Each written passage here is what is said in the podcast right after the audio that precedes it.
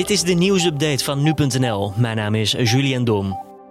Het aantal incidenten in asielzoekerscentra is in vijf jaar tijd meer dan verdubbeld. Dat meldt het NRC dinsdag op basis van stukken van het ministerie van Justitie en Veiligheid. Vijf jaar geleden werden ruim 8000 incidenten, waaronder schelden, vechten, hongerstakingen en brandstichtingen gemeld. In 2019 steeg dit aantal naar meer dan 17.000. De toename in het aantal incidenten is volgens NRC te verklaren door de verschuiving van asielzoekers met veel kans op asiel naar hen die minder kans hebben op asiel. De laatste groep is oververtegenwoordigd in de incidentencijfers. Er wordt onderzoek gedaan naar het zeeschuim, waardoor surfers maandagavond in de problemen kwamen voor de kust van Scheveningen. Dat schrijft de NOS. Het Koninklijk Nederlands Instituut voor Onderzoek der Zee, het NIOS, heeft monsters genomen van het schuim.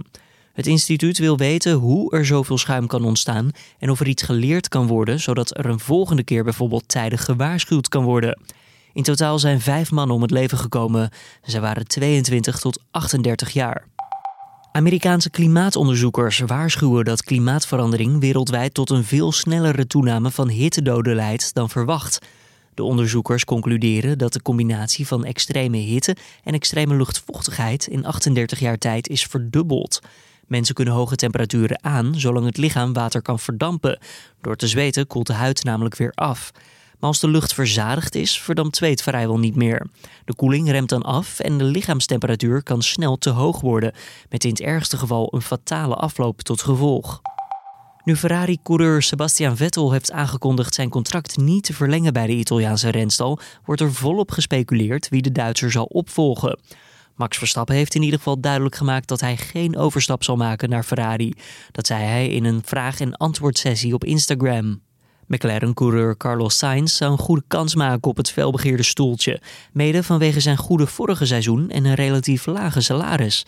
Een andere optie zou Daniel Ricciardo zijn, maar het prijskaartje voor de Australische zou een stuk hoger liggen.